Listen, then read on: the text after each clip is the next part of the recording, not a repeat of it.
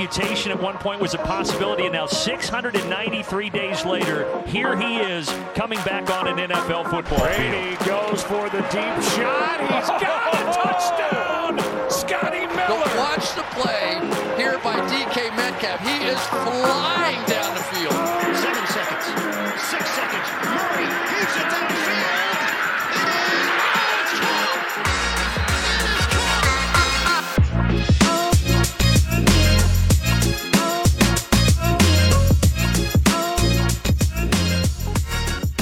Welkom bij een nieuwe aflevering van de Sport Amerika NFL podcast. En we gaan terugblikken op week 5. Op alles wat we hebben zien gebeuren. Op de rare uitslagen, de upsets, de net gemiste kansen. De verschrikkelijk harde roughing the passer, tackles die we hebben gezien. En zo nog veel meer. En uiteraard doe ik dat, zoals altijd, niet alleen. Want deze ochtend is het, want het is dinsdagochtend als wij dit opnemen. Is aangeschoven Lars Sleefdink. Goedemorgen. En uiteraard ook aanwezig om samen met mij de shutout van de Patriots te vieren, Chris van Dijk. Goedemorgen. Goedemorgen. Jongens, zoals altijd, we beginnen bij eh, onze momenten van de week. En eh, nou ja, Lars, ik denk dat eh, jij de, het, het heetste topic van het weekend hebt aangesneden daar. Dus ik zou zeggen, take it away. Ja, helaas moeten we het hier eh, weer over hebben. Volgens mij is er zo'n beetje elk weekend wel zo'n zo'n moment dat we een beetje twijfelen of we eh, ja, roughing the passer is of niet. Maar afgelopen weekend hebben we er, eh, hebben we er twee gehad. Eh, die van Jones afgelopen nacht tegen de, tegen de Raiders ehm, was, nou ja, wat twijfelachtiger, eh, zullen we maar zeggen. Omdat het volgens mij vooral ging over de manier dat hij op Carr terecht kwam uiteindelijk. Ehm, ja, weet je, daar kun je nog wel wat voor zeggen. Maar wat er bij Falcons Buccaneers met Brady gebeurde, dat was ronduit lachwekkend. Eigenlijk het moment zelf is al lachwekkend, maar de, de uitleg daarna. Eh, dat Brady eh, onnodig op de grond wordt gegooid. Ik weet niet hoe je iemand anders, hoe je op een andere manier een quarterback wil sacken. Maar eh, volgens mij is dat gewoon de manier waarop je een quarterback neerhaalt. Eh, eigenlijk vond ik de, de, uitleg nog lakwe- lachwekkender dan de play zelf, eerlijk gezegd. Ja, dat, ik denk dat je daar weinig andere meningen over gaat horen. Ehm, Chris, als je dan die, die van Carr er ook even bij zou pakken, bijvoorbeeld. eh, want eh, Lars noemt het al eventjes, wel minder heftig. Maar ook daar denk ik dat iedereen zat te kijken en die, die call hoort. Ook nog eens op een vrij cruciaal moment natuurlijk eh, voor de Chiefs, die anders daar een stop maken. Ja, En eh, turnover zouden afdwingen, want ze hadden de bal. ja, precies. Dus wat, eh, hoe, hoe zie jij die situatie? Moet daar gewoon op, weer opnieuw gekeken worden naar hoe die regel werkt? Ja, dat is eigenlijk meer nog dan dat het volgens mij echt een foute beslissing is. Hè. Het is gewoon voor je gevoel als, als, als kijker, als fan. Hij slaat de, de call eigenlijk nergens op, hè, want hij werkt gewoon kar naar de grond. Hè, daarbij komt de bal los. Maar ja, goed. Hè, je bent in een, in een grondgevecht eigenlijk om die, om die quarterback op de grond te krijgen. En hij landt op hem. Ja, het, het hoort natuurlijk ook wel gewoon een beetje bij, bij de sport. Voor je gevoel natuurlijk. En ehm, ja, wat dat betreft, want dat was ook uit de uitleg, uitleg die de scheidsrechters na afloop hebben gegeven. hè, Dat hij niet bovenop hem mag landen zolang Carr eh, de bal nog heeft, omdat hij zich dan niet kan verdedigen. Maar ja, ik denk dat iedereen dit gewoon ziet als een normale voetbalplay wat, wat erbij hoort. Hè. Er was niks vies aan of zo. Ja, we weten dat er contact gaat komen. Ja. Dat weet je als quarterback. En ja, dat hoort erbij. En dit voelt wel heel raar. eh, eh, dat als jij het tackelt, de, de quarterback, wat zeg maar een beetje het doel is voor jou als verdediger.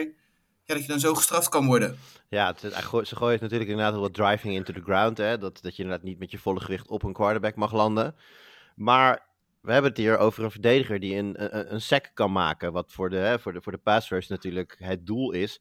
Die jongens die komen zo hard als ze kunnen aanrennen. Het is een, het is een spel Ja. van, van, van fracties van seconden. Want nou, zodra, zodra door, door heeft, dan gooit hij die bal weg. Dus je kunt niet zeggen van, oh, ik hou wel even in. Want hè, dan, dan doet het misschien wat minder pijn. Ja, maar dan is de bal ook weg. Dus dan heb je het niet. Dus volgens mij kunnen op deze manier eh rushers hun werk gewoon niet uitvoeren. Als je hiermee rekening moet gaan houden, dat, dat is volgens mij in de snelheid waarmee die actie gaat niet mogelijk. Ja, dat, dat, dat is toch een rare constatering eh, als je gaat, als het eh, wedstrijden met zoveel belangen eraan bedoelt. Zijn er maar, zijn er maar 17 in het reguliere seizoen, dan zou je het in moeten doen. Nou ja, de, de, de, de Chiefs winnen dan uiteindelijk die wedstrijd wel, maar goed, het, het, het- eh, wedstrijden worden op dit soort calls beslist. Zeker natuurlijk dan bij, bij de Bucks. Hoe had dat afgelopen als de Falcons daar gewoon die, die, die penalty niet hadden gekregen. Dus het is, het is gewoon, nou is dat natuurlijk gewoon echt een slecht gekalde call. Niet, niet zozeer de regel.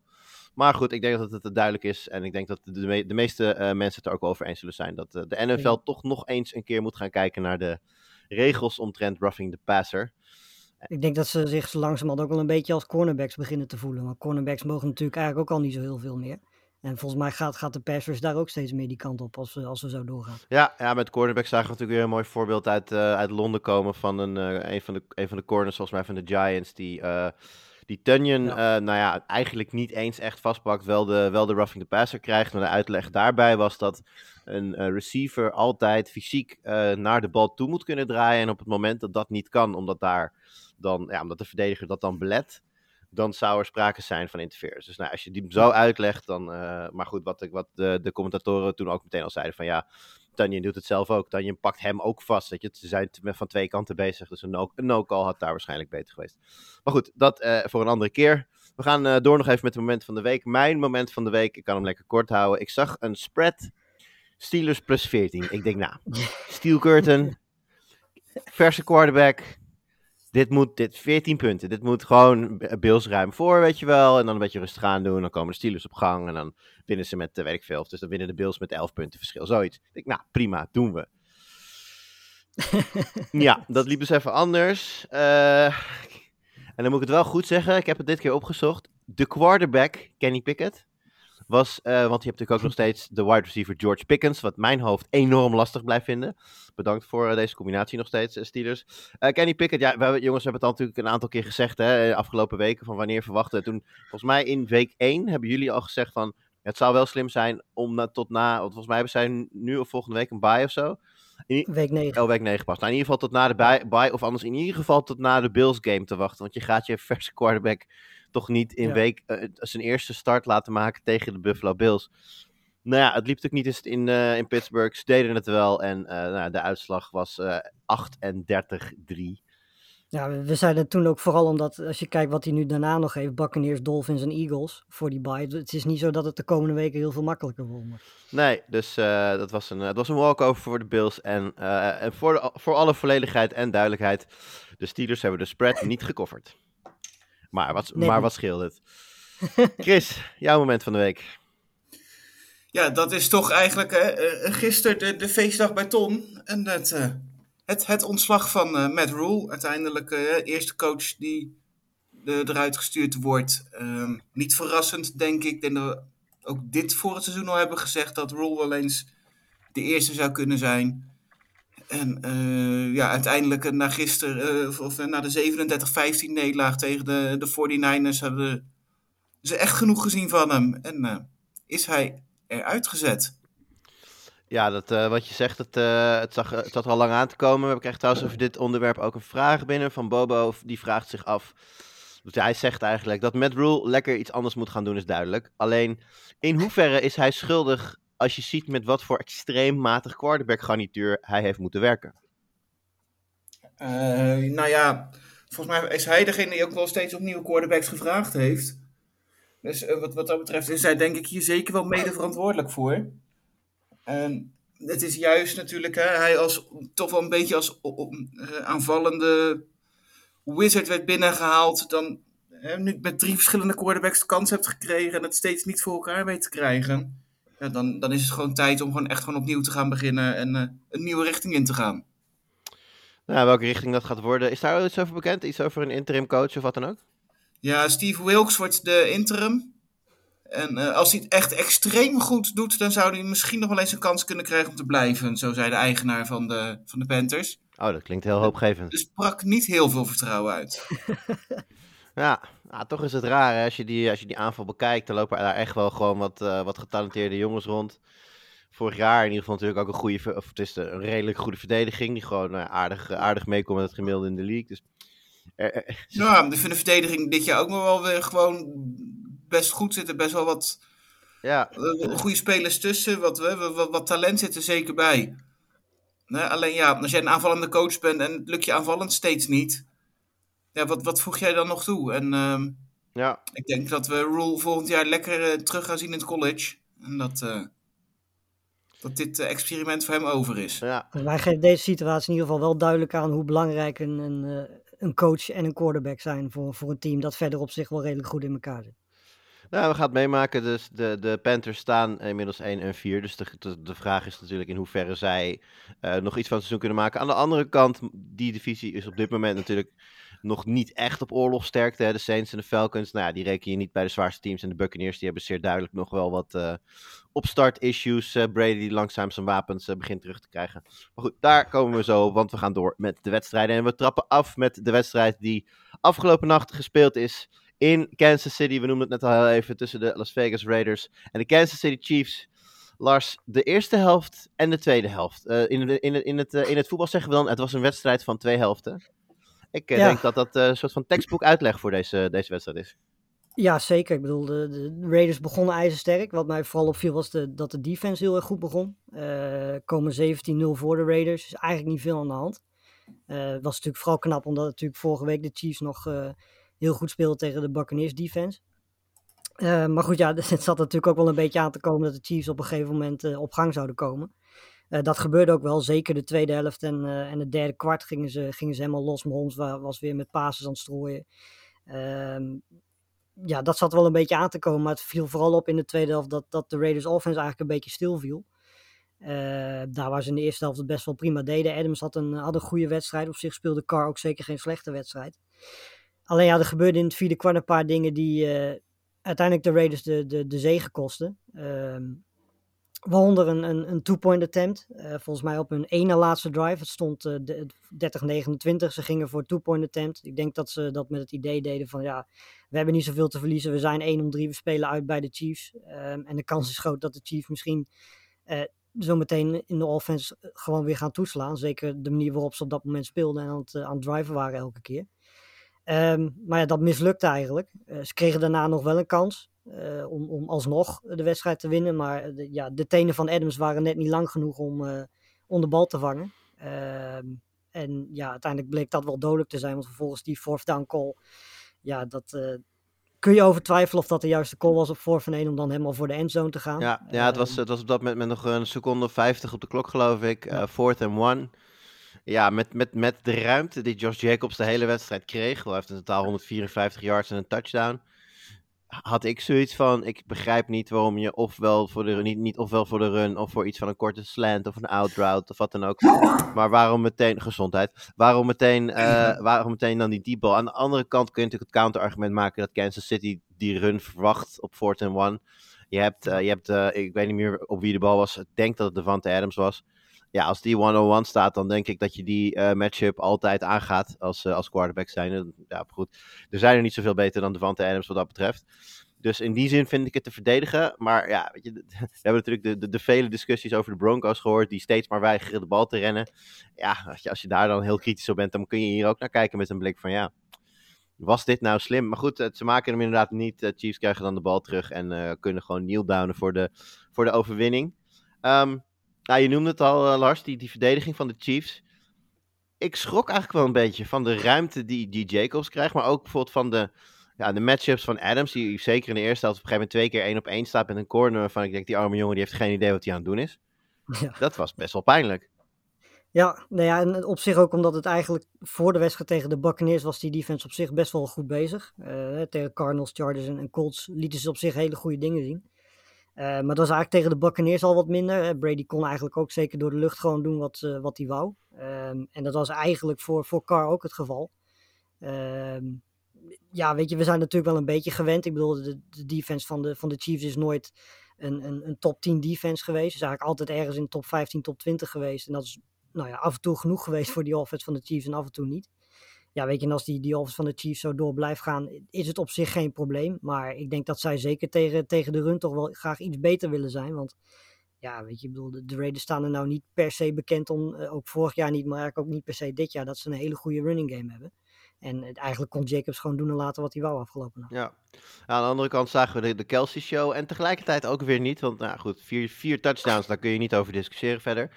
Maar toch maar 25 yards, hè, dat uh, is een, een aparte statline. Uh, maar goed, het uh, maakt vooral duidelijk, denk ik, dat Mahomes, zodra ze in de redzone zijn, gelijk uh, gaat zoeken naar nummer 87 en hem toch wel vaak weet te vinden. Um, Chris, ik wil ook nog van jou even horen, heel even snel, over de aanval van de Chiefs nog. Nou, offseason natuurlijk veel besproken. Vertrek van Tyreek Hill werden ja, allerlei B-garnituur werd daarvoor teruggehaald. Velden Scanling, Juju Smith-Schuster. Ehm, als ik nou een stelling bij jou neerleg en die zegt... Deze Chiefs zijn gevaarlijker omdat ze onvoorspelbaarder zijn nu Hill er niet meer is. Wat zeg jij dan? Nou, dat is eigenlijk wat ik eh, van het begin ook wel een beetje dat, dat gevoel heb. We gewoon, hè, ze hebben eigenlijk heel ingereld voor, voor twee wapens. Wat natuurlijk met Mahomes natuurlijk enorm helpt. En wat, daardoor hebben ze gewoon zoveel variatie. Het is zoveel moeilijker om te verdedigen. En juist met, met Mahomes, die vindt de spelers toch wel. Hè? Die, Ja. die maakt die moeilijke throws. Die, die vindt het hele kleine beetje ruimte steeds Ja. wel weer. Dat zag je ook wel weer met McCall Hartman, die op momenten een catch heeft. Jarek McKinnon is ineens weer een factor. Ja, eh, en wat, wat dat betreft, het is zo ontzettend moeilijk om dit te verdedigen. En als je dan denkt bijna iedereen te hebben, ja, dan gaat die bal naar Kelsey en dan heb je daar weer een probleem. Eh, het, het enige wat mij vooral aanvallend opviel, eerste helft, is, was die offensive line. Dat, dat die hadden heel veel moeite, Mahomes heel veel druk. Ja, die werden echt weg, eh, weggelopen. Met name natuurlijk door Crosby. Maar sowieso die hele D-line van de Raiders won, die, won die battle natuurlijk makkelijk. Ja, wel, wel, vond dat het de tweede helft wel een stuk minder was. En daar, daar zag je echt wel het grote verschil voor mij tussen de eerste en de tweede helft. Was wel een beetje hoe die offensive line het hield in die tweede helft. En dat, Mahomes daar gewoon de tijd had om, om zijn, ja, zijn throws te maken. Ik moet wel zeggen, als ik zo naar ook stek, ik, ik, ehm, ik moet zeggen, ik heb deze wedstrijd nog niet uitgebreid genoeg geanalyseerd om dit met zekerheid te zeggen. Maar als ik kijk naar 25 yards voor Kelsey en wetende dat de tweede helft Mahomes wat minder druk had, zou het mij ook niet verbazen als op heel veel plays Kelsey gewoon in de blocking werd betrokken.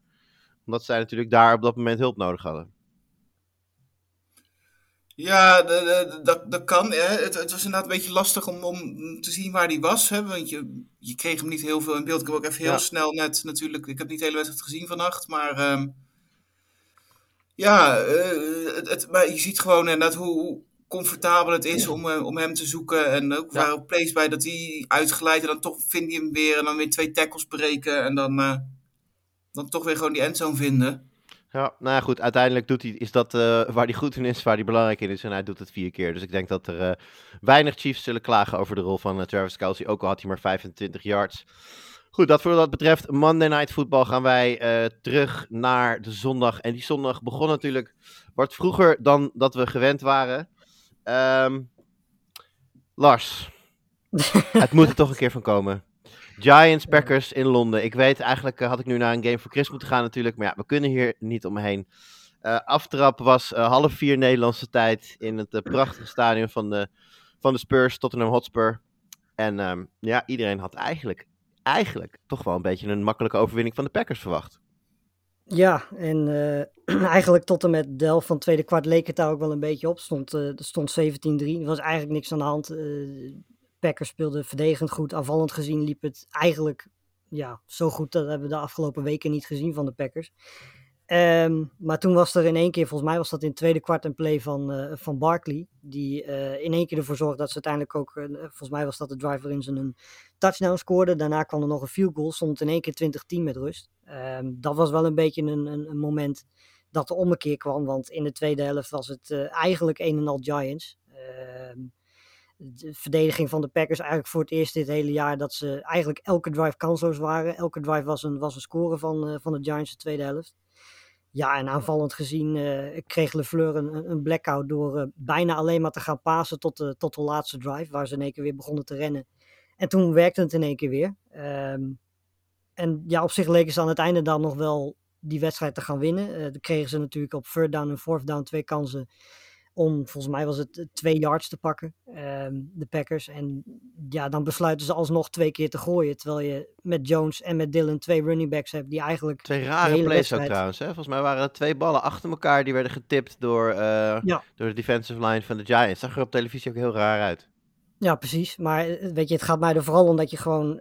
En eigenlijk dat was het eigenlijk de tweede helft al het geval. Je hebt twee zulke goede running backs. Het is de kracht van je offense. En je besluit dan alsnog eh, twee keer te pasen. Ik snap dat je Aaron Rodgers hebt. ehm, en dat dat natuurlijk wel een quarterback is waarin je de bal een handen wil geven. Maar je hebt op dit moment gewoon niet de, de, de receivers die vrijkomen. En de offensive line die Rodgers genoeg tijd kan geven. Eh, ja, en als je dan twee yards nodig hebt in de slotfase. En je hebt Jones en Dylan achter de hand. Dan snap ik niet waarom je niet gewoon naar die twee namen gaat. Dan pak je een first down of op third of op fourth down. En dan is de kans vrij groot dat je alsnog een touchdown scoort. Eh, en in plaats daarvan ja, winnen de Giants nu overigens terecht op eh, basis van de tweede helft. Want eh, ja, wat me vooral opvalt bij de Giants dit jaar is dat ze eigenlijk net zoals de Lions nooit opgeven. En elke wedstrijd toch wel eh, redelijk close weten te houden. Ja, tussendoor, wie van jullie moet zijn kat eten geven? ik Ja, dat ben ik. nou, dan ga je dat doen. Dan eh, gaan we even naar de andere kant van de bal. We hebben natuurlijk vooral de Packers en de fouten daar uitgelicht. Het is natuurlijk ook gewoon een hele knappe overwinning van de Giants. eh, on the road. Dubbel eigenlijk, want dit, het was inderdaad op papier een uitwedstrijd. En het is natuurlijk nou ja, veel uiter dan dit kun je niet gaan. Ehm, komen binnen met eigenlijk maar één echte goede aanvallende speler in Barkley. Daniel Jones, die, nou ja, waarvan niet bekend was hoe fit zijn enkel was. Die had vorige week een, een enkelsprain. Ehm nou ja, gezien de... speelde eigenlijk zijn beste wedstrijd. Ja, en gezien de running plays die hij ook maakte, denk ik dat daar niet super veel mee mis was. In de eerste helft hield hij zich vrij rustig. Tweede helft gebruikte hij zijn benen wat meer. Eh winnen dus heel knap. En eh, ja, dat is iets wat in andere eh, regio's, laten we zeggen in Dallas en in Philadelphia, natuurlijk ook wordt gezien. Want die NFC East die begint ineens heel erg spannend en heel erg sterk te worden. Vraagt Mart- Martin Rozenboom zich ook af. Wat is er met de NFC East gebeurd, Chris? Nou ja, de Giants verrassen denk ik eh, nog het meest. Hè. Hebben we van de Eagles wel aan zagen komen eh, gezien het offseason. De Dallas Cowboys ook Ah, wel met, eigenlijk. met Cooper Rush. Ja, oké. Eh, maar goed, hè, dat komen straks denk ik nog wel meer op hoe zij die wedstrijden winnen dan... hoe, want dat is natuurlijk ook wel vooral die verdediging die, die er staat. En ja, ik denk dat ook hè, op, op, zit alle teams ook niet tegen op dit moment. Hè, de manier, hè, ook allemaal best wel misschien wel zo'n gelukje met wedstrijdjes te winnen. Dus ik geloof ook niet dat we aan het eind van dit seizoen nog steeds allemaal zo eh, enorm goed ervoor staan als het nu lijkt. Nou, we hebben natuurlijk vorig jaar hadden we natuurlijk op een gegeven moment ook de 3-0 Panthers en dat soort dingen. Dus die, eh, we, weten, we weten dat de eerste weken niet alles zeggen. Maar goed, de, de, de cijfers liegen er natuurlijk niet, niet om. Als je de tussenstanden in heel veel divisies bekijkt, dan nou, is dat allemaal wel redelijk in balans. Maar eh, de- in de NFC East hebben we gewoon 5-0, 4-1, 4-1 en de Washington Commanders. Maar eh, dat is momenteel op papier de sterkste divisie. Dus ik ben heel benieuwd hoe dat verder gaat. Ja, en de Giants hebben ook gewoon tegen twee goede teams gewonnen. Hè? De Titans en, en de Packers. Dat zijn echt geen, eh, geen teams die eh, in de categorie... eh, Wat het worst tweede goede team? Nou, ik, nou, hoor alleen de nou. Ti- ik hoor alleen de Titans. nee, maar Titans zijn natuurlijk op dit moment ook niet, eh, zeker niet toen de Giants daar tegen speelden, op hun, op hun sterkst. Die beginnen nu eigenlijk een beetje op stoom te komen met eh, Henry, die eh, wat, nou, zelf ook wat beter op stoom komt. Ja. Packers denk ik dat die ook nog wel echt in een, in een, in een, in een ontwikkelende fase zitten op dit moment. Dan Dus, maken die zich al zorgen. Ik bedoel, hè, vorige week hè, had je eigenlijk misschien wel moeten verliezen van, eh, van de Patriots. En nu van de Giants. Ik bedoel, hè, je hebt de eerste week kansloos tegen de Vikings. Die had gewoon op een losing record moeten staan nu. En eh, Ja. wat dat betreft eh, zit, zit er nog wel potentie in om, om echt te groeien. Is het nog wel dat top 10 wat iedereen van tevoren denkt? Nou ja, ik, ik denk vooral wat belangrijk is, is dat eh, de coachingstaf en dan vooral de Fleur moet gaan realiseren dat dit niet meer een offense is waar je Rodgers 40 keer per wedstrijd kan laten pasen, omdat hij daar gewoon de, de, de pass protection en de receivers niet meer voor heeft. Ehm, en dat de kwaliteit van de offense gewoon bij de, bij de running game ligt. Ehm, en de korte passes, dat is, dat is een beetje het ding, want die defense is meer dan goed genoeg. Is, is gewoon een top 10 defense, alleen die staat op dit moment zo vaak op het veld, zeker de tweede helft tegen de Giants ook. Ja, dan kun je nog zo'n goede defense hebben, maar die jongens zijn natuurlijk helemaal kapot. Hebben een hele lange drive erop zitten. Dan komen de Packers met een free and out en dan mogen ze weer het veld op. Ja, dan kun je nog zoveel talent in je, in je defense hebben, maar dan op een gegeven moment houdt het ook wel een keer op natuurlijk. Ehm, dus ik denk dat er wel potentie in zit, maar ik denk dat het nu vooral in de handen van, uh, van de Fleur ligt om, om aan, vooral aanvallend gezien die, die, die switch te maken. ja, dat zijn Dus dat, Ja, als je naar het schema van de, van de Packers eh, kijkt, je krijgt dan nu nog de Jets en dan naar de Commanders toe. Maar daarna, de tweede helft is gewoon echt wel zwaar. En als je dan Ja. al, dit zijn dan wel de winst die je nodig hebt om, om niet in de problemen te gaan komen straks. Nee, ja, ze hebben zeker de laatste de komende twee weken hebben ze echt nog wel de tijd om, om, om gewoon die wedstrijden te winnen. En ook in ieder geval die aanvallend die switch te maken. Want als je zo gaat spelen tegen de Bills, dan word je er gewoon afgespeeld. Ja, ze houden ook, eh, wat je zegt het al, die offense valt vooral tegen. Ze houden op dit moment 10 eh, ploegen onder zich als het gaat om gescoorde punten. Nou ja, dat is, dan zit je nog net wel aan de onderkant van de middenmoot. Maar ja, dat is natuurlijk niet waar we de, waar we de off- offensieve potentie van de Packers gewend zijn. Dus eh, Nee. daar eh, moet zeker eh, iets, iets gaan veranderen. Om, Maar het maakt die divisie wel leuk, want de Vikings zijn zelf ook lekker bezig op dit moment. Ja, zeker, zeker. De Vikings spelen denk ik ook beter dan de Packers momenteel. Ja.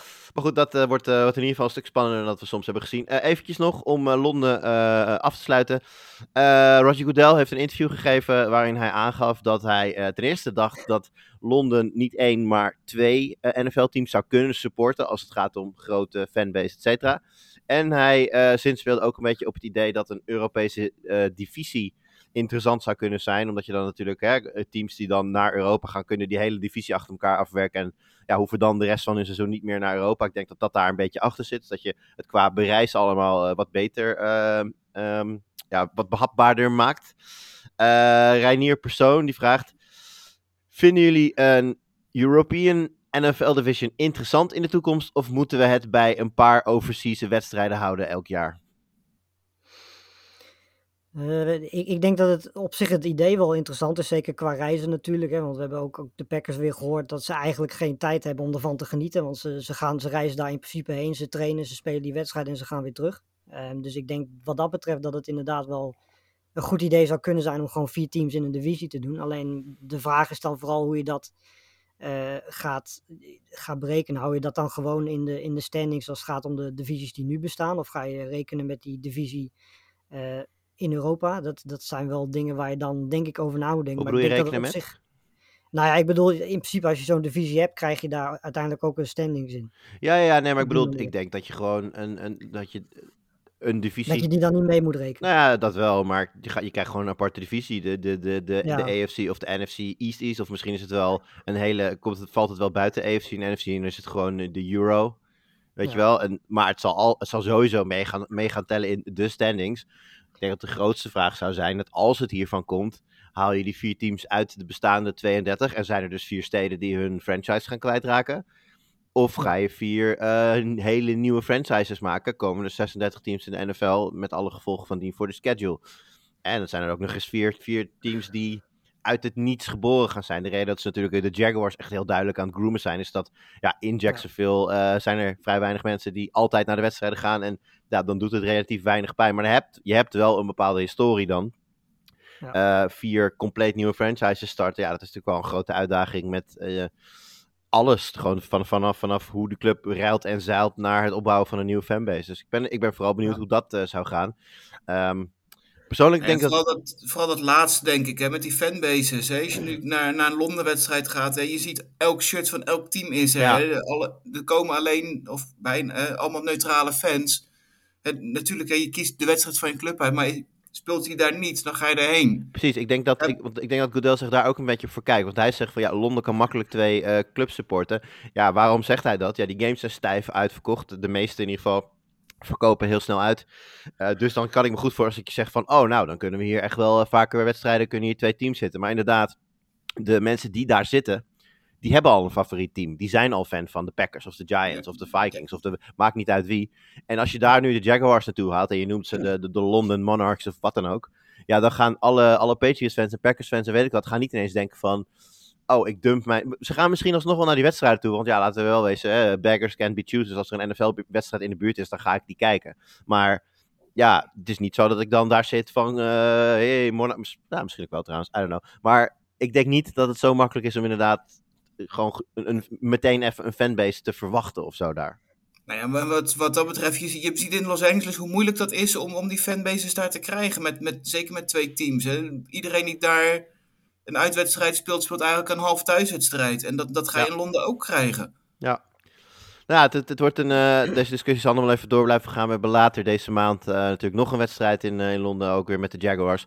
En dan natuurlijk in november het, het proefballonnetje in München met ehm, de Buccaneers en de Seahawks. Dus daar, ook daar zal waarschijnlijk gediscussieerd gaan worden over wat de toekomst van de NFL in, in Europa zal zijn. Want het mogen duidelijk zijn dat de NFL hier heel graag voet aan de grond wil krijgen en houden. Maar goed, dat, Maar het was al heel wat dat we in ieder geval twee teams met een winning record tegenover elkaar hadden. In, eh, Ja, en ik moet ook heel, Europa. ook heel eerlijk zeggen, Viking Saints op papier eh, vond ik ook geen slechte visie. Bleek Ja. ook zeker geen slechte wedstrijd. Dit was ook weer een leuke wedstrijd. Nou ja, dat is meer dat we van heel veel eh, voorgaande London games kunnen, kunnen zeggen. Dus ik denk ja, dat... gaat natuurlijk, denk ik wat dat betreft wel wat meer krijgen. Natuurlijk nu de clubs gewoon verplicht worden om nu heen te gaan. En als de Packers niet hadden gehoeven, hadden ze hier niet geweest. Ja. En, en nu moeten ze gewoon. En dan, dan ja, betekent het ook alle goede clubs veel meer hierheen gaan komen. Ja, Nou, we gaan het zien. Wellicht, uh, wellicht dat er nog meer wedstrijden hier in de buurt gespeeld worden. Wellicht dat we inderdaad de komende jaren een keer die franchise gaan krijgen. Wie zal het zeggen? Maar voor nu gaan we snel weer verder met uh, de rest van de zondag. Uh, Chris, ik, ik, ik, weet even niet. Zat jij ook bij de, bij de preview? ja. Ja, want dan daarin, want ik weet nog dat Ton op een gegeven moment zei van... Nou jongens, er zijn maar heel weinig interessante wedstrijden. En toen zei ik meteen... Chargers Browns is er voor mij eentje die ik gewoon hoog heb staan. Waarvan ik denk dat dat een hele leuke wedstrijd kan worden. Nou, stelde niet teleur. Nee, zeker niet. Ik denk dat we wel meer leuke wedstrijden hebben gehad. Hè, wat misschien qua teams van tevoren misschien niet hadden verwacht. Maar dit zeker. Hè. De Browns schoten eigenlijk goed uit startblokken. Eerste kwart 14-0 voor door touchdowns van Chubb en Cooper. En denk van, nou, het ging eens even goed voor zitten. En, uh, vooral ook omdat ik heel benieuwd eigenlijk was hoe de Chargers het zouden doen met alle blessures. En of het seizoen inderdaad klaar zou zijn. Maar uh, die herstelde zich eigenlijk weer goed. Uh, komen in de tweede helft zelfs, uh, of in het tweede kwart zelfs al op voorsprong. Nou, dat wisselt zo een beetje af tot in het derde kwart. Dan zagen we ineens Austin Eckler dat hij blijkbaar nog steeds op een voetbalveld staat. We hadden een week vier gemist, maar hij was er ineens weer met een touchdown. En ehm, eigenlijk leken de Chargers, of die kwamen het vierde kwart weer op voorsprong. En toen kregen de, de bal en leek zelfs de wedstrijd eigenlijk al gespeeld te zijn. Het enige wat ze nog nodig hadden was een first down. Of gewoon de bal weg te trappen naar de Browns.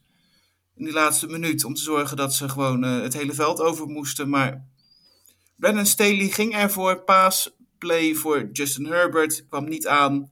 Dus de Browns kregen nog een laatste kans. En slotseconden mochten ze nog een, een field goal trappen. En Kate York miste hem. Ja, Browns gonna, Charge ontsnappen. Browns gonna Brown, uh, denk ik dat we daar uh, kunnen, kunnen, kunnen opschrijven. Um, nou, Brissett, hè, dus nog steeds daar de leider. Uh, je noemt hem een paar keer. Ook, ik, ik vond hem op zich wel weer redelijk spelen. Um, ja, we hebben daar natuurlijk het, het zwaard van Damocles, de, de, de grote schaduw van de veelbesproken Watson, die daar natuurlijk, ja, wat was het ook weer, na week 11 terug mag komen, geloof Ja. ik. En dan hebben ze, ook maar, hebben ze dan eerst nog een bye en dan, daarna mag hij terugkomen. Is er een situatie denkbaar waarin Jacoby Brissett hier zijn team van maakt en Watson gewoon backup blijft voor de rest van dit jaar? Of denk jij dat dat uh, idioot grote contract al goed, voldoende uitleg heeft? Nee, de, de, Brissett gaat nooit, uh, nooit blijven staan als, als Watson fit is. Dat uh, is geen enkele manier waarop op dat gebeurt. Hè? De Browns hadden makkelijk 5-0 kunnen zijn. Uh, Brissett gooit eigenlijk goed, maar hè, wel weer een, een, een, interceptie in het vierde kwart. Volgens mij heeft hij er nu drie gegooid dit hele seizoen, wat prima is. Maar allemaal op, op cruciale momenten in het vierde kwart. En nou ja, de, het enige wat de Browns aan doen zijn is overleven zodat Watson er is. En dan hopen nog uh, misschien via de wildcard de, de playoffs in te sneaken. Maar ja. nee, Brissett gaat niet blijven staan. Ja, en aan de andere kant van de bal, uh, nou ja, de, de, Chargers komen nu dan op 3 en 2, blijven daarmee in het spoor van de Chiefs die 4 en 1 zijn. Had heel makkelijk anders kunnen zijn.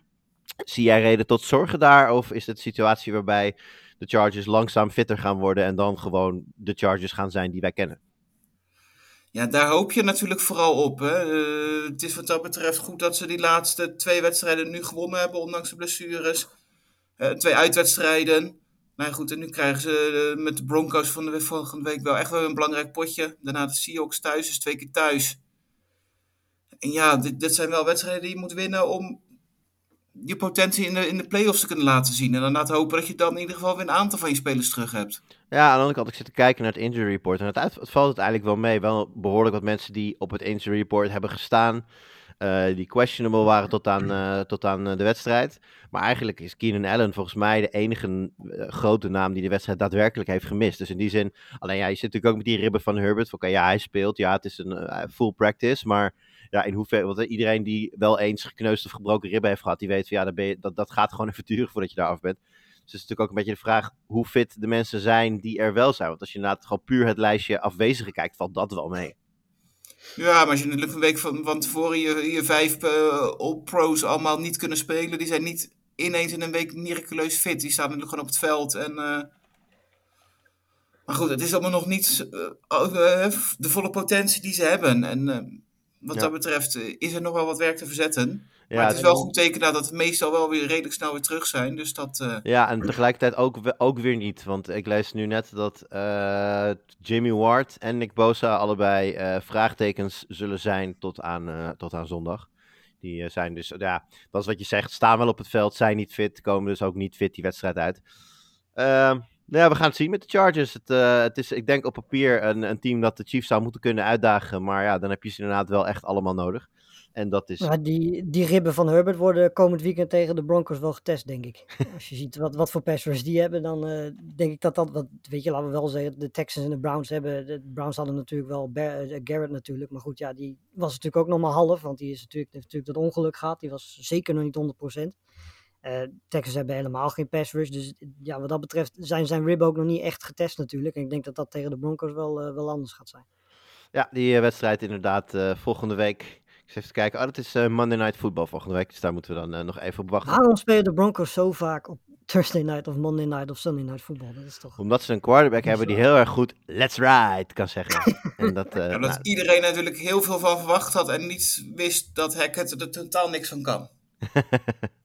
Ja. ja, er eh, totaal niks van kunnen. Dat eh, kunnen we over een heleboel teams zeggen. eh, maar dat konden we dit seizoen niet per se zeggen over de Detroit Lions. Want die waren tot, tot dit weekend het best scorende, het meest scorende team in de NFL. Ehm, maar dat eh, kende nogal een abrupt einde. Eh, gingen op bezoek bij de Patriots. Daar kunnen er vrij kort over zijn. Want zo heel erg leuk om te kijken was deze wedstrijd ook weer niet. Zeg ik als Patriots-fan. Maar 29-0 is natuurlijk wel weer een typische Belichick-uitslag. die een, eh, een shutout pitcht tegen nou ja, wat het tot op dat moment het beste team was. Eh, Chris, even heel kort. Ik zag Amon Ra St. Brown op het veld staan. Ik had eh, wel het idee dat hij daar op één been liep, zo ongeveer. Ja, nou goed, we nou het over de Chargers hadden, hè, dat een beetje natuurlijk ook met, met meer spelers. Hè, meer, bijna elke club heeft er natuurlijk wel last van, hè, blessures. En eh, St. Brown is toch enorm belangrijk geweest de afgelopen eerste weken. Hij miste vorige week die wedstrijd. En ja, eh, hij was eh, op papier weer fit genoeg, maar eh, was achteraf denk ik gewoon beter geweest om gewoon even een weekje extra rust te geven. Ja, die gasten hebben inderdaad een, een, een, een, een, ja, indrukwekkend lijstje wel. DJ Chark out, Swift out, eh, twee defensive ends out. Eh nou, Amon-Ra was limited tot aan de wedstrijd, speelde wel. Josh, Josh Reynolds limited getraind eh, de, de afgelopen week. Eh, zelfs TJ Hawkinson stond nog eventjes op het, eh, op het injury report. Bleek, was uiteindelijk wel gewoon een volledige practice. Maar ook, geeft ook al aan dat hij ook niet 100% was. Ja, dat zijn natuurlijk een, een hoop namen. Wel een beetje een terugkerend dingetje bij de Lions. Die natuurlijk vorig, vorig jaar ook Swift en Hawkinson eh, een groot deel van de tijd hebben moeten missen. Dus een beetje nou, de vraag in hoeverre hun, hun aanval sustainable is wat dat betreft. Andere kant van de bal, eh, vooral eh, veel eh, over de grond uiteraard. Bailey Zappi, die daar nog steeds quarterback is, zolang Mac Jones uitgeschakeld is. En Hoyer staat op IR, dus die zien we sowieso niet. Daar viel, bij de Patriots viel trouwens Damian Harris uit, dus dat leverde een monsterdag op voor Ramondre Stevenson. En we zagen de Matt Judon of old met twee sacks en een forced fumble. En nou ja, wat ik zei, een, een, een, ja, een sterke, eh, het sterke optreden van de Patriots defense. Eh, die hielden de Lions ook op 0 en 6 op 4 down. Ze zijn er vaak genoeg eh, voor gegaan. Maar het was een, een kansloze exercitie. En net zo kansloos. Ja, ik heb hem net in mijn, ik heb hem net in mijn highlight al even genoemd, Chris. Ehm, kun jij nog iets zinnigs zeggen over die fantastische wedstrijd tussen de Pittsburgh Steelers en de Buffalo Bills? Nou, niet zo heel veel, want volgens mij, ehm, ik was drie minuten te laat om Red Zone te kijken, stond het volgens mij al 7-0 voor de Bills. Dat ging vrij rap. En eh, daarna was het gewoon over. Dat, eh, Ja, dat was, eh, dat was Josh Allen in zijn eigen endzone die de bal over alles en iedereen heen gooit. En daar was ineens Gabe Davis die een, volgens mij een 98-yard touchdown naar, naar de overkant rende. Daarmee was de toon wel gezet, ja. Ja, ik denk dat daarna gewoon, ja, het was gewoon duidelijk dat dit gewoon geen wedstrijd ging worden. En ehm, volgens mij denk dat we ook alleen de touchdowns en de, en de scores gezien hebben. Volgens mij, eh, als je Red Zone volgde. Want ja, voor de rest was het niet heel bijzonder of Ah, belangrijk. eh. nog twee momentjes die we zeker ook op Red Zone voorbij hebben zien komen. Waren de hits eh, tussen na een slide, een hit en een, eh, op, op, eh, op eh, Kenny Pickett en een tackle op Kenny Pickett. De, het, leek er even op, het leek er even op alsof de Buffalo Bills zoiets hadden van... eh, we gaan eh, deze jonge quarterback die zijn eerste start maakt eventjes een, eh, een lekker welkom in de NFL eh, geven. Eh, hoe eh, keek je daarnaar? Vond je dat eh, be- begrijpelijke opstootjes of was het een beetje onnodig allemaal? Nou, ik, ik vond eigenlijk wel goed dat hij in ieder geval hè, als, als zo van zich afbeet. En dat hij zich niet zomaar liet, liet piepelen door ook wel wat, eh, best wel wat vraagtekens of dat nou dit soort tackles nodig zijn wat, in de Ja, NFL. die laatste was natuurlijk laag op zijn, op zijn benen. Hij kon, hij, hij kon nog net, volgens mij springt hij nog net op, waardoor gewoon zijn benen naar achter kunnen. Maar als hij vaststaat, ja, dan, eh, dan heb je daar kans dat hij zo een been breekt of een, of een, of een, of een knieband afscheurt. Of nou ja, noem, eh, noem een, eh, een ernstige blessure. Dus dat was een. ik snapte dat ook niet helemaal, want je bent als Buffalo Bills zoveel sterker. Die wedstrijd is gewonnen. Ja, wat, wat win je er nog mee door dirty hits te gaan maken op een, op, op, op een quarterback waar je eigenlijk helemaal niets van te vrezen hebt? Sterker nog, ik zou hem heel houden, want je, wel- wellicht, wellicht kom je hem ooit nog eens tegen. En dan, ah, scheelt toch. Maar goed, dat was, eh, dat was eh, raar om te zien vooral. Verder denk ik dat we hier weinig eh, woorden over, aan vuil hoeven maken. Wel misschien leuk om eventjes te benadrukken dat we nu in een week zitten die volgend weekend op zondagavond afgesloten gaat worden. Nee, dat is niet waar, want dat is niet de Sunday Night Football. Een- maar wel in de late window Late de window. Buffalo Bills op bezoek bij de Kansas City Chiefs. Ik denk dat dat er toch wel eentje is waar iedereen goed voor gaat zitten. Want dat ja, toch twee van de beste teams in de NFL. Ehm, dat kunnen we ehm, op papier, vraagteken, ook zeggen over de Cowboys en de Rams. Ik weet nog dat we het in de voorbeschouwing hadden over deze wedstrijd. En eh, Chris, ik weet niet zeker of het allemaal... Ik heb in ieder geval de Cowboys gekant, volgens mij jij ook. En ik denk zomaar Ja, Ton ook. Ton ook, ja. Ja, en dat is natuurlijk opvallend, want de Rams waren bij de bookmakers volgens mij eh min 5,5. Volgens mij kregen de Cowboys plus 5 5,5. Dus ik zei al van, nou, ik heb die spread niet eens nodig. Geef mij de Cowboys gewoon outright. Nou, dat bleek wel, want eh, de Rams waren helemaal nergens. Nee, de- eh, een beetje het verhaal van het seizoen, denk ik. Hè? De, de Rams hebben aanvallend hebben ze Cooper Cup. En daarnaast eh Cooper Cup. En als het niet gaat, dan gaat de bal naar Cooper Cup. En ja, voor de rest is het Cooper Cup. En Ja, dat is ja, een beetje het, het plan van McVay. En ehm, ik denk dat. Ze kunnen ook vrij weinig anders. De offensive line is gewoon niet goed. Eh, Stafford staat onder druk, wisselvallig. Eh, begin van het seizoen, voor het seizoen natuurlijk wat vraagtekens. Hoe, hoe fit hij was met blessure. Nou goed, er is natuurlijk gezegd dat er niks aan de hand is. En dat hij de eh, trainingskamp fantastisch uitzag. Hè. Ik weet niet of ze gezegd dat hij in de beste vorm van zijn leven was, maar het scheelde niet veel. niet Maar hij lijkt er toch wel vrij veel last van te hebben, hè? want het, ziet er niet uit. Hè? Intercepties die hij gooit, die onnodig zijn, Maar nog steeds die O-line ook. Want dat zeggen we elke keer. Van ja, Stafford, oké, natuurlijk. er, er zijn quarterbacks, en dat moet Stafford ook kunnen, die ook met een slechte O-line eh, prestaties kunnen neerzetten. Nou, dat lukt hem niet. Maar die offensive line van de Rams, ja, we zeggen het nu eigenlijk al week op week op week. Ze, ze weten het gewoon niet te fixen. Dus ze hebben daar gewoon een probleem en ze kunnen er niks mee. En nou, je zag inderdaad al aankomen dat die passers van de Cowboys, dat, dat dat een probleem zou gaan worden. En dat blijkt ook wel. Die eh, eh, maken het ze flink lastig, eh, houden ze op 10 punten. Daniel die geeft trouwens nog even aan. Jongens, even graag een paar minuten voor een ode aan Cooper Cup. Die in een totaal dysfunctionele offense, namelijk geen run game. Quarterback is een zombie en Allen Robinson is een epic bust. eh, dat Cup alles alleen moet doen. En dat hij het ook gewoon doet. Eh, hij heeft 49 receptions, 527 yards en 5 touchdowns in 5 games.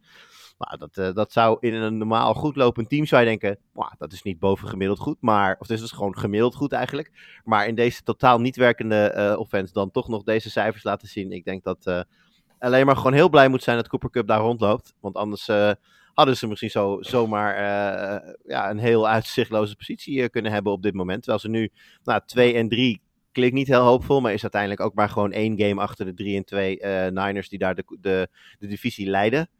Ehm, ja, wat, Lars, wat moeten de, de, de Rams nog doen om dit recht te gaan trekken? Nou, ik, ik denk dat het belangrijkste eh, die offensive line is. Ik weet je, het heeft niet alleen impact op Stafford, maar we zien eigenlijk ook het hele seizoen al dat die, dat die running game eigenlijk helemaal nergens is. Eigenlijk elke wedstrijd, eh Akers en Henderson amper tot niet gezien, komen totaal niet op gang. Dus het, het heeft niet alleen invloed op Stafford, maar het heeft invloed op die hele offense, dat die offensive line het gewoon niet goed doet. Ja, en weet je, ze hebben verdedigend gezien natuurlijk meer dan genoeg talent. Donald was in deze wedstrijd ook weer eh, heel erg goed met twee sacks en een forced fumble. Maar ja, ik denk dat het grootste probleem op dit moment toch wel bij, bij de offensive line is. En de vraag is vooral of dat oplosbaar is of dat je dat eh, daar gewoon mee moet gaan leven dit jaar. Want eh, ja, als dat zo is, dan eh, gaan de Rams zeker niet herhalen wat ze vorig jaar gedaan. Nou ja, kijk, en dat is natuurlijk het probleem. Ik denk wel dat er een, een kans ligt in, in de, nou, als Van Jefferson op een gegeven moment terugkomt. En wellicht als, als eh, Odell Beckham weer fit is en eventueel geresigned zou worden door de Rams. Kijk, je hebt, gewoon, je hebt gewoon spelers nodig waar je heel snel de bal naartoe kan gooien. Kijk, waarom is Cup zo belangrijk? Omdat hij heel goed is in, in hele korte tijd, op hele kleine ruimte, toch open komen. En ja, eh, Stafford heeft geen vier seconden om de bal even vast te houden en dan voor een, eh, voor een diepe throw te gaan. Dus ja, je zult meer, eh, als die O-line niet beter te maken is, zul je meer korte paasopties nodig hebben. Hè, en dan ja, misschien een beetje kijken naar hoe de, eh, de Patriots dat toen destijds in 2019 deden. Die ja, hadden eigenlijk ook amper wapens die verder dan 10 yards kwamen. Maar hadden wel genoeg opties om die bal gewoon snel weg te gooien. Zodat ja, Brady in ieder geval niet al te bang hoeft te zijn dat hij tien keer op zijn gat werd gelegd. Zoiets zal, eh, zal LA denk ik ook eh, moeten gaan doen. Eh, aan de andere kant, Chris, nou ja, we, zeiden het net al even toen het over de, over de, de NFC East ging. Eh, Cooper Rush ongeslagen als quarterback. Ik eh, zeg, als Dak straks fit is, dan houdt Cooper Rush de baan.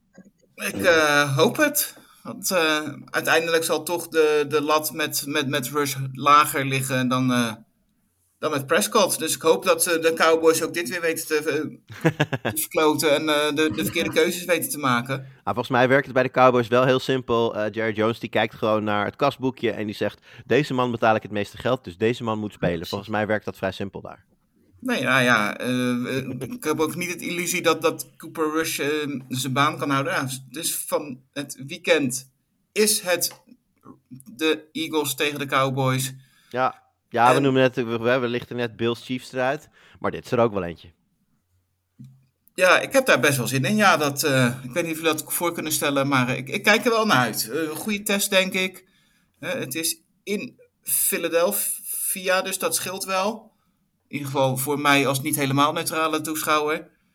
Ehm, maar ja, het is wel weer een, een goede... Als het goed is, komt Dek waarschijnlijk... Of tenminste, als het goed is, waarschijnlijk... Ja, hij wordt, Zou hij het, kunnen wordt spelen? verwacht, het wordt verwacht dat hij in ieder geval wel traint en, en eventueel zou kunnen spelen. Maar daar bedoel ik meer. Kijk, eh, langer termijn eh, verwacht ik echt niet dat Dak Prescott nu zijn baan kwijt is. Maar ja, weet je, ik denk wel dat de, de, eh, de noodzaak om hem sneller dan nodig terug te, terug te brengen en met alle risico's van die Nee, wereld oh, absoluut. dat, dat helpt natuurlijk nu wel. Dat je, ze kunnen zelfs redeneren van, nou ja, oké, Eagles 5-0, erg sterk team. Zelfs als ze deze verliezen, zijn ze 4-2, Eagles 6-0. Nou ja, is er een kans dat de Eagles eh, aan de horizon verdwijnen, maar dat hoeft nog niet een probleem te zijn. Eh, ja, je zou als Cowboys ook kunnen redeneren van, nou ja, weet je, als, als deze week nog eventjes een, een, een, een, een ja, een, een, nederlaag oplevert. En, en eh, hoe zeg je dat? We, ze, punten week 6 min of meer. Of in ieder geval geven Cooper Rush de kans om eh, die wedstrijd aan te gaan. Ja, ik zie daar wel iets in. Ik geloof niet dat zij Dak eh, gaan opstellen volgende week, eerlijk gezegd. Al is het natuurlijk, het is primetime, het is Sunday Night Football. Ja, als Dak kan spelen, zal hij dat zelf in ieder geval heel graag willen. Dus het, het zal afwa- afwachten zijn en de, en de reports in de gaten houden. Ehm, ja, wat minder aansprekend dan, eh, dan, de, dan de Cowboys en de Rams. Maar niet minder vermakelijk, Lars. Seahawks at Saints. Geno Smith voor MVP. ja, het- het bizar is, hij wordt eigenlijk elke wedstrijd steeds beter. Terwijl je eigenlijk had verwacht na die eerste twee weken van, nou ja, ik denk dat we de beste Gino Smith wel gezien hebben. Maar hij overtreft zichzelf eigenlijk elke wedstrijd, ook, eh, ook dit keer weer. Zeker die, die, die bal laat op, eh, op Lockett was eigenlijk perfect. eh, waardoor ze uiteindelijk eh, volgens mij op gelijke, of in de buurt komen in ieder geval van, eh, van, de, van de Saints. Vervolgens heb je natuurlijk die, die run van Kenneth Walker in het vierde kwart, die in moest vallen voor Penny, die weer eens geblesseerd is. Ehm, ja, daardoor kwamen ze in één keer op, op voorsprong. Ehm, dat was op zich gezien de wedstrijd, ja weet je, ze gingen gelijk op. Het was niet per se eh, dat er iemand echt beter was, maar de Saints hadden wel natuurlijk gewoon een, voorsprong van 31-19. En die geven ze eigenlijk met twee plays weg. Ehm, maar gelukkig voor de Saints hebben ze iemand genaamd Taysom Hill, die zo'n beetje alles eh, op het veld deed afgelopen zondag wat hij, wat hij kon doen. Eens wat hij niet deed, was zijn eigen ballen vangen. Ehm, maar ja, weet je, die heeft dan uiteindelijk zo'n run waardoor ze de wedstrijd winnen. Eh, ja, het blijft volgens mij een van de meest unieke spelers in, eh, in de NFL. En ik denk dat de Saints eh, in ieder geval heel erg blij zijn in deze wedstrijd dat ze hem hadden. Ja, het is, een, eh, het is inderdaad een unieke speler. Misschien heel even snel dit zijstapje maken. Jullie zijn natuurlijk ook allebei fantasy voetbalspelers. Ehm Wat vinden jullie dat eh, fantasy leagues moeten, zouden moeten doen met iemand als Taysom Hill? Ik denk persoonlijk dat het misschien nog net te vroeg is voor deze, voor deze discussie. Maar stel, de, de, de, hè, stel uh, James Winston is een tijdje uit en de Saints kiezen straks voor Hill als, als quarterback en niet Andy Dalton. Ja, weet je, ik, ik vind dat heel zo langzamerhand een beetje de status zou moeten hebben van een, van een flex-speler eigenlijk bijna. Want het, het is eigenlijk geen quarterback, het is geen running back, het is geen receiver, het is geen tight end. Uh, hij doet eigenlijk alles. En ja, dat soort spelers zet je eigenlijk in fantasy meestal op een flexpositie. Ja, je zou het kunnen gaan zien als die spelers in, uh, als je toevallig fantasy baseball speelt, heb je natuurlijk hè, de designated hitters, die kun je alleen ja. op je utility spot zetten en op geen ja. andere uh, positieplek, wat ze dan iets minder, iets minder overpowered maakt. je ja. zou natuurlijk inderdaad naar, voor Taysom Hill ook naar zoiets kunnen kijken. Dat je zegt van, nou, hij mag alleen op een flexspot. En als hij inderdaad straks de hele tijd als quarterback wordt opgezet, ja, dan alleen een superflexspot. Ja, precies. Want het, op dit moment is, is er gewoon geen, geen lijn op te trekken welke positie hij speelt. En uh, ja, weet je, dan kun je wel uh, zeggen dat hij quarterback is of zeggen dat hij tight end is. Maar dan krijg je er überhaupt altijd commentaar op. En er is dan altijd wel een, een, een bepaalde manier van, van uh, negatieve invloed die, die daarop ja. hebt. weet je, want het is of niet goed voor de quarterback of niet goed voor de tight end positie. ik, ik, denk dat voor dit soort spelers het lastig is natuurlijk. Weet je, je gaat niet voor één speler die dit in de NFL doet. Want laten we wel wezen, hij is eigenlijk de enige in de NFL die dit doet. Ja, ga je daar helemaal een, een, een flexpot voor, voor, voor maken voor alleen één zo'n speler, terwijl eigenlijk geen enkele andere speler in die, in die categorie hoort. Nou ja, je hebt natuurlijk al een flexpot, dus daar kan hij dan in principe gewoon staan. Ja, dat je, dan, dan spreek je af dat hij gewoon niet als, als tight end meer opgesteld mag worden, want ja, dat maakt hem natuurlijk extreem waardevol. Ja, ik zelf sta ik er een beetje in als iedereen wist van tevoren dat Taysom Hill dit kan, dat hij dit doet en dat de Saints nou, dit zouden kunnen gaan doen. Er leek even sprake van dat de, nieuwe, dat, dat de coach daar het niet van plan was. Nou, doet het toch wel. En dat, ja, dat, dat neig, daardoor neig ik wel een beetje naar niet de regels aanpassen, in ieder geval mid-season. Ja, je kan natuurlijk altijd hè, bespreken met de mensen in je league. Je kan altijd een foto houden en dan afspreken van, nou ja, als er tien voor zijn en twee tegen, dan doen we het, zoiets. Uh, maar ja, ik heb zoiets van... Wat ja. wil je zeggen, Chris? Nou ja, ik ben eigenlijk helemaal met jou eens. Hè. Ik, zie, ik heb Taysom Hill dit seizoen nog niets te zien doen wat hij de afgelopen seizoenen niet gedaan heeft. Uh, dus wat dat betreft, het is ook een keuze om hem niet te draften geweest voor iedereen. En dan kan je wel zeggen, we gaan een, een, een vote houden waarvan Taysom Hill owner vindt van... hij als enige. en dit wisten we van tevoren, hiervoor kies ik hem. En de rest zegt van, ja, maar zo verlies ik alles, dus um, het mag niet meer. Tja. Ja, ja, en, en, waar ligt dan de, de grens? En moet je dan inderdaad als een, een wide receiver met een trickplay een, een touchdown gooit, dat je die ook niet meer telt? Of ja, iets? Nou, of ja, kijk, ook... ik denk dat het verschil zit in die wide receiver die een trickplay, en dat vind ik hetzelfde als nu met de, de, de, de Wildcat uh, snaps, die ook Saquon en Debo bijvoorbeeld gewoon krijgen. Kijk, dat ja. zijn incidentele plays die in principe elke positiespeler zou kunnen maken. Een running back, tight end, wide receiver, maakt niet uit. Kunnen allemaal. Je hebt ook wel eens een, een, een, een lineman die wordt ingezet of een fullback die wordt ingezet en direct snap, uh, sneak en, uh, en touchdown.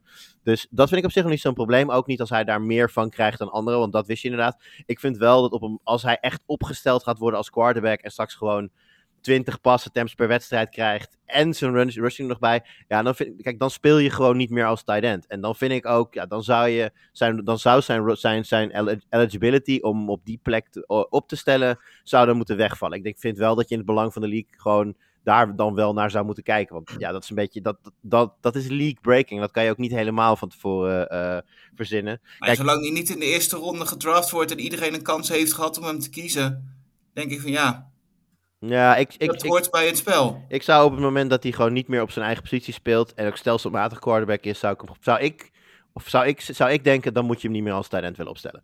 Maar goed. Hij, dat... hij heeft dit jaar als tight end één catch voor twee yards. Nou ja, precies. Maar dat vind ik nog niet zo erg, omdat jij zegt hij is een flexspeler, het is een running back, tight end, whatever. Uh, maar als hij inderdaad gewoon straks inderdaad ook nog eens een keertje uh, 200 yards gaat gooien en ja, in principe bij elke play de bal in zijn handen heeft, uh, dan vind ik het een, een, een, andere discussie worden. Maar goed, dat is voor een andere keer. Um, Saints winnen uiteindelijk deze wedstrijd, jongens. Uh, nou, we zeiden het al, James Winston is nog uh, geblesseerd. Wat, Chris, als jij nu naar de, naar de Saints kijkt, we zeiden het al eventjes, hè, die, die divisie die ligt nog helemaal open.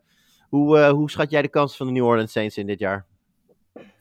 Ja, ik vind het een lastige ploeg om, om ook zo überhaupt een beetje een beeld van te krijgen, vat op te krijgen. En van tevoren natuurlijk verwachten dat die verdediging um, de Saints vooral zou gaan dragen. Maar dat, dat valt eigenlijk heel erg tegen. Ik vind ze verdedigd helemaal niet eens zo heel bijzonder. En dan hoopt hij dat dat goed genoeg zou zijn om, om aanvallend het verschil te kunnen maken. Nou goed, hebben ook daar wel, natuurlijk wel steeds wel wat blessures en nog niet echt hele, hele ploeg bij elkaar gekregen. Dus ja, er zit heel veel potentie in, maar ze hebben ook al wedstrijden verloren dit seizoen eh, die ze gewoon hadden moeten winnen. Dus uh, ja, ik, ik weet het niet. Ik, uh, ik kan me niet voorstellen dat dit beter is dan wat de Bucks hebben. Ja. Dus, uh, maar ja, we hebben van tevoren gezegd, dit is een wildcard ploeg. En dat kan in deze NFC natuurlijk nog wel makkelijk. Ja, wat dat betreft uh, wordt week 6 interessant. Want dan krijgen we eigenlijk een, uh, de Zee spelen dan thuis. En krijgen dan op bezoek een team dat voor, voor, mij in ieder geval ook voldoet aan deze omschrijving. Namelijk de Cincinnati Bengals. Die uh, natuurlijk van een ander verwachtingspatroon komen. Maar eigenlijk voor mij een beetje hetzelfde aanvoelen als de Saints. Je weet gewoon niet zo heel erg goed wat je eraan hebt op dit moment. En die uh, spelen in week 6 tegen elkaar. Eén van hen gaat naar 2 en 4, één van hen gaat naar 3 en 3. Dus dat wordt interessant. Laatste dingetje dat we hier over deze wedstrijd even moeten zeggen. Nou, we zeiden het al, Gino Smith speelde goed. Lockett, goede dag. Metcalf, goede dag. Wie zeker geen goede dag had, was Rashad Penny, jongens. Want die werd uh, van het veld gedragen door twee man. Kon niet op zijn been staan. En uh, we hoorden volgens mij dezelfde avond nog dat hij een uh, gebroken scheenbeen had. En er in principe gewoon de rest van het jaar uit ligt. Dus de Ken Walker, de third show gaat beginnen, Lars. Ja, nou ja, goed, die, die is eigenlijk al een beetje begonnen afgelopen weekend natuurlijk. Maar om heel eerlijk te zijn ben ik een beetje bang, en datzelfde geldt bij de, bij de 49ers voor Jeff Wilson, dat zij op een gegeven moment uh, allebei ook een keer over twee, drie weken een blessure oppikken. Want volgens mij is dat iets uh, wat er gewoon gebeurt als jij een running back bent van de Seahawks en van de 49ers. Um, ik hoop echt dat hij fit blijft, want Walker is echt een hele goede running back en past eigenlijk ook perfect bij, bij, bij het team dat de Seahawks hebben. Maar uh, ja, ik ben zowel voor Wilson als voor Walker bij de Seahawks uh, eigenlijk heel erg bang dat, dat die straks over twee, drie, vier weken ook in één keer een blessure hebben. Want dat, is, dat lijkt een beetje een trend te zijn bij die twee teams. Ja, ja het is jammer. We hebben Rashad Penny uh, duidelijk zeer talentvol, zeer talentvolle ja. speler. Ook hoog gedraft natuurlijk enkele jaren geleden. Maar ja, blijft, blijkt toch steeds maar weer ja, te blessuregevoelig. Nou kan beenbreken, ja, dat het klinkt hard, maar kan natuurlijk gebeuren. Maar het is voor hem uh, extra zuur dat het juist hem weer overkomt. En dat hij weer ja. uh, opnieuw uh, mag gaan beginnen. Zeer waarschijnlijk, als hij nog terugkomt, dan niet meer bij de Seahawks, gok ik. Want die zullen die positie langzaamaan, of eigenlijk nu heel snel aan, aan Walker gaan geven. Um, nou ja, arme Penny, laten we hopen dat hij de NFL nog kan vinden. Gaan wij verder met de volgende wedstrijd. En Chris, eerste vraag aan jou.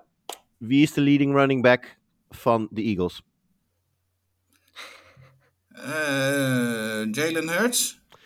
Dat maar is het is correcte antwoord. Sanders heeft wel echt wel een heel goed seizoen. Hè? Ja, nee, is absoluut waar. Maar um, ik weet, uh, ik zou zeggen, we hebben het even nu dan over Eagles at Cardinals uh, 2017.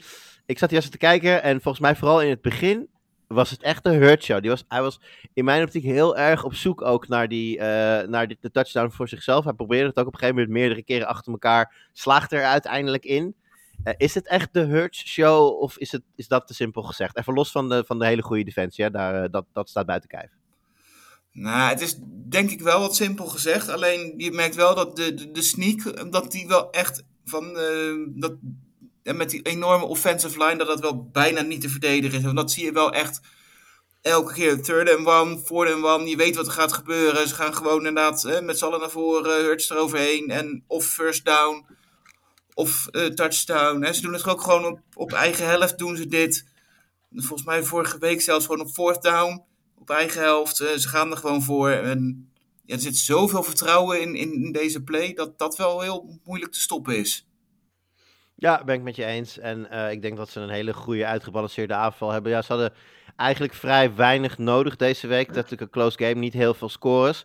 Um, wel een stuk spannender dan, dan ik van tevoren had had verwacht. Uh, de, sterker nog, de Cardinals krijgen volgens mij aan het eind nog heel de kans om gelijk te maken. Gebeurt niet.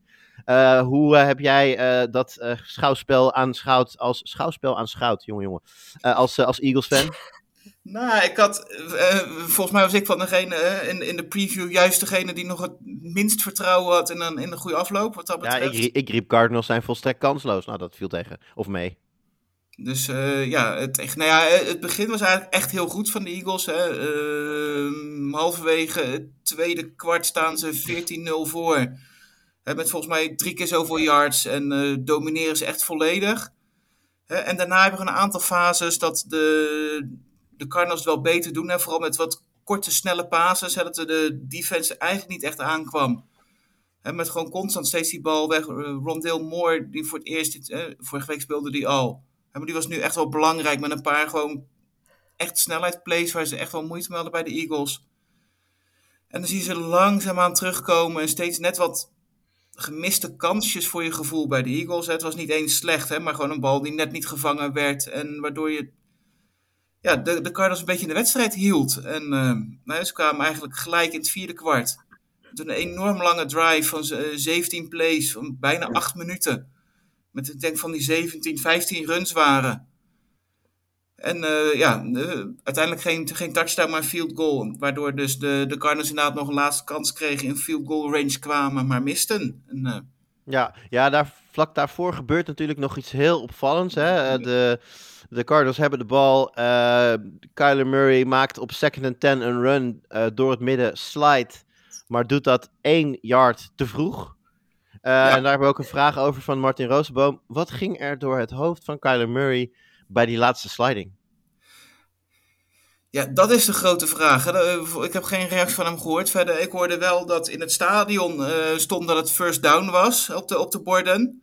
En dat die dachten dat het genoeg was. Hè? Dat hij dat misschien gezien had. Waardoor hij dacht dat hij misschien wel die, hè, die first down had. Gewoon kon spiken. En dan tijd hadden voor die, om, om die touchdown te scoren of dichterbij te komen. Ja. Uh, maar ja, goed, hè, hij had in de wedstrijd natuurlijk. Hè, er was best wel ruimte om die, die, die extra yard nog te pakken. Ja, want, dat, want dan zou het gewoon weer first and ten worden. Er stond ja, hij ging natuurlijk met zijn voeten naar voren, hè, waardoor hij veel eerder eigenlijk het punt gekozen werd natuurlijk dan, hè, wanneer hij head first zou gaan. Ja. Dus ja, dit, dat, dat is wat ongelukkig. En uh, ik denk dat hij dat gewoon uh, ja, niet goed gezien heeft in de, in de voorbereiding bij, bij de videoanalyses. Dat hij wat meer ruimte zou hebben. Ja, dat, uh, dat zou kunnen. Of gewoon op dat moment een, echt een, een, kleine gebrek aan awareness. In ieder geval, het, het kost de, de, de Cardinals de game. Omdat Matt Amendola de, de 43-yard field goal niet maakt. En dus zijn de Eagles 5-0. Laatste puntje over de Eagles, Chris. Zijn ze volgende week 6-0? Ja. Kijk, daar houden we van. Ja, laat, laten we eerlijk zijn. Volgens mij kan elk team nu ook wel inpakken. Nu ze dikker de kikker ook nog als, als kikker hebben. ja, dat is inderdaad. Uh, dat, uh, dat, dat kan er nog wel even bij. Uh, Lars, gaan wij naar Jalen Hurts, maar dan de original version. Die speelt. nou, dat is natuurlijk niet helemaal waar. de Michael Fix van deze wereld doen we dan iets te kort. Maar Lamar Jackson's Ravens winnen. Maar ook daar hield het niet over. Uh, nee, het was uh, wel een hele gelijkopgaande wedstrijd.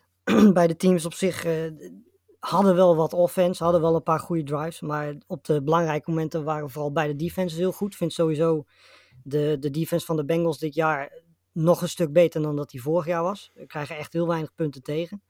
Alleen ja, die, de offensive line en de offense die loopt op dit moment nog niet zoals die vorig jaar liep. De, de big plays ontbreken en dat was eigenlijk ook in deze wedstrijd weer zo.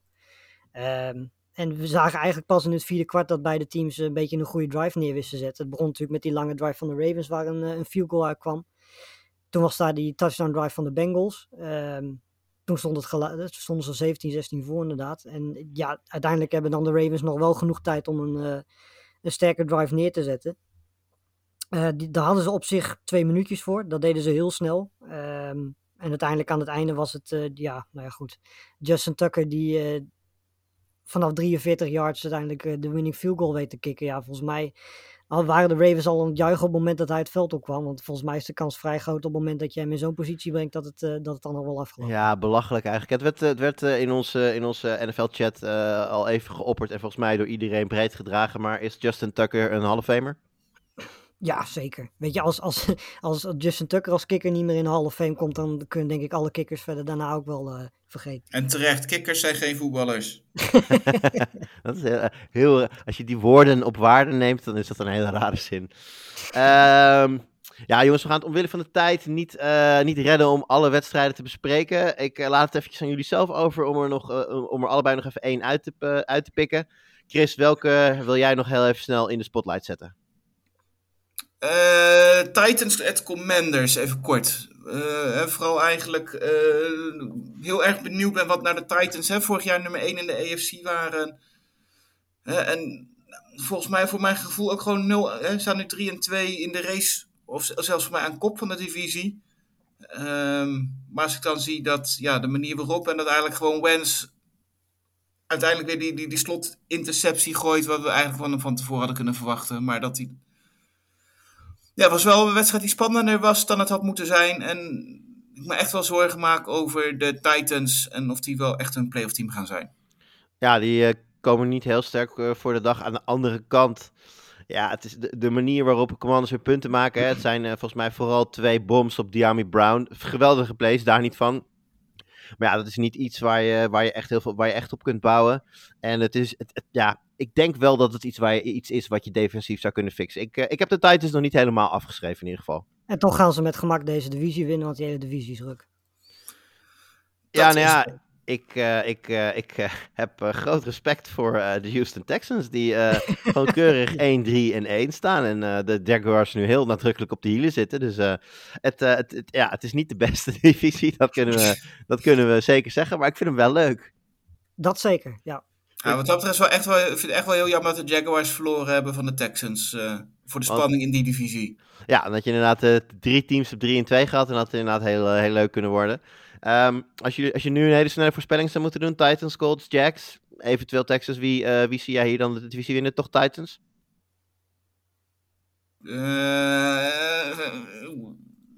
Jacks, toch? Toch de Jacks. En jij, Lars?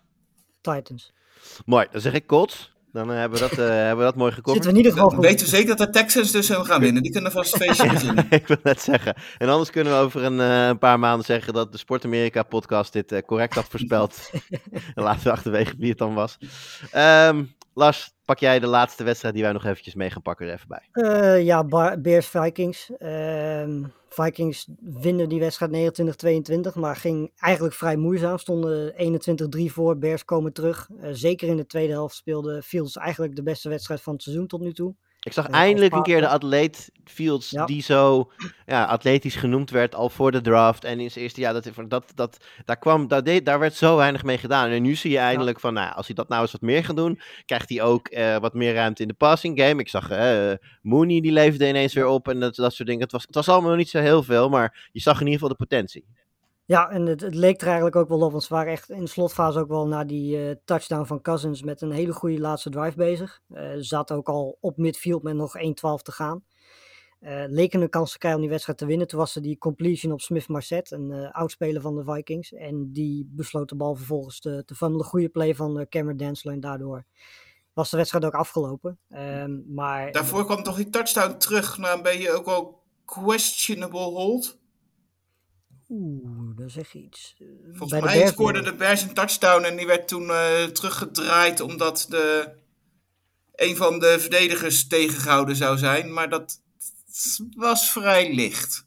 Ja, nee, maar goed, in ieder geval weet je, de Bears, ik, ik, moet zeggen dat het me, vooral verdedigend gezien is dit team natuurlijk gewoon heel goed. En die houdt ze in wedstrijden, want tot nu toe eigenlijk op, op de wedstrijd tegen de Packers, nou hebben ze eigenlijk in elke wedstrijd gezeten en het, het close gehouden. Maar uh, ja, er is aanvallend gezien duidelijk nog wel wat werk aan de winkel. Maar het was in ieder geval positief dat, uh, dat, dat Justin Fields in die offense in ieder geval er wat beter uitzag en wat meer explosive plays had. Maar die, die offensive line blijft om te janken natuurlijk. Goed, dan ma maken we hem nog even af.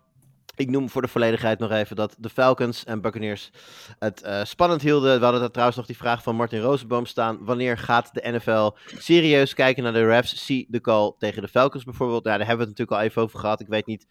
Het ligt voor een deel bij de refs. Zeker bij, die, bij, die, bij die, uh, de call waar Brady bij betrokken was. Maar het is voor een deel ook de regel die op dit moment gewoon heel weinig toestaat. Waarbij ja. Ja, refs denk ik sneller geneigd zijn om op basis van die regel te zeggen van... Oh, dit is te hard. Ja, dan kom je, dan kom je in, het, in, het, in het territorium terecht waar je hele lichte tackles uh, al gaat, uh, gaat rekenen als, um, als roughing the passer. Dus dat, dat zal de komende. Ik ben bang dat dat de rest van dit seizoen nog wel een, een onderwerp zal blijven. En dat het in het offseason weer herbesproken gaat worden. In ieder geval, de Buccaneers winnen mede dankzij die call van de Falcons 21-15. En hebben we ook niet besproken. Texans, Jaguars. Ik zei het net al even kort. Texans, verslaan de Jaguars 13-6. de Niners vegen de Panthers weg. 37-15. En als laatste de Dolphins. Ja, dat is misschien eventjes als laatste jongens nog heel eventjes om uh, bij stil te staan. Het is toch wel... Die quarterbacks hebben geen mazzel bij, de, bij, bij Miami. Nee, niet echt. Nou, en het on- ja. ondanks dat deden ze het op zich tot en met vierde kwart nog wel aardig. Alleen het vierde kwart stort alles in. Ja, ja het, het is natuurlijk ook nog wel eens het dubbel zuur dat de reden dat Teddy Bridgewater eh, niet terug mag keren Ja. is dat hij het originele eh, concussion protocol in principe succesvol afronde. Alleen de, er zijn op na, de, nou, na de- het, het Tua-geval zijn er nieuwe eh, eisen bijgekomen en daar voldeed hij niet aan. Dus ik zeg, dan hebben die regels dus gewerkt en is het inderdaad goed dat hij niet terug het veld opgekomen is. Eh, voor Miami pakt het natuurlijk wel erg zuur uit dat ze niet alleen hun eerste, maar ook hun tweede quarterback nu kwijt zijn. Ja, kan je nog zoveel goede wapens hebben. Als niemand die bal naast kan gooien, wordt het een lastig verhaal. Ja, en de Jets, eh, de, de Breeze Hall coming out game, eh, denk ik. Dus dat was een mooie overwinning voor hen. Nog even kort bij stilstaan, Nick. Elijah Vera Tucker, wat kan hij niet? ja, dat is een goede vraag inderdaad. Hij heeft in college ook al eigenlijk elke positie gespeeld. Dus eh, de, de, de center kan hij in principe ook spelen. Het is alleen nog een kwestie van eh, wanneer gaat hij dat voor de Jets moeten doen. Want die hebben heel veel blessures bij hun eh, offensive line. Eh, ja, weet je, het, het is gewoon een, een speler die eigenlijk elke positie kan spelen. En dat, dat zijn eigenlijk de meest waardevolle spelers op een offensive line die, je- die je kunt hebben. Dat blijkt in het geval van Vera Tucker duidelijk het geval te zijn. Ja, Goede volgens mij- drafts dus gehad, hè? Jets laatste twee Ja. jaar. Zeker. En volgens mij heeft hij, eh, daar wees eh, Henk Kiel ons op, volgens mij is hij, gedra- hij is gedraft als, als left guard. Toen eh, moest hij right guard gaan spelen. Toen moest hij left, left tackle gaan spelen. En nu is hij, heeft hij dus afgelopen weekend right tackle gespeeld. Ehm, ik, ik weet niet of ik ergens kan wedden dat deze man dit seizoen nog wel als center gaat spelen. Maar dat zou ik dan nu bij deze graag willen doen ergens. Want dat is toch wel, dan heb je toch wel een mooi, mooi rijtje. De hele line gespeeld. Nou, dat is, een, eh, dat is vast een, eh, een prestatie op zichzelf. Goed, jongens, dan laten we het hierbij. Voor de recap van deze week gaan we langzaam toeleven naar die fantastische wedstrijd Thursday Night Football. Wat was het ook weer? Bears Commanders, geloof ik? Yes. Bears Commanders. Nou, we hebben natuurlijk een heerlijke Thursday Night Football ook afgelopen week al eh, gehad.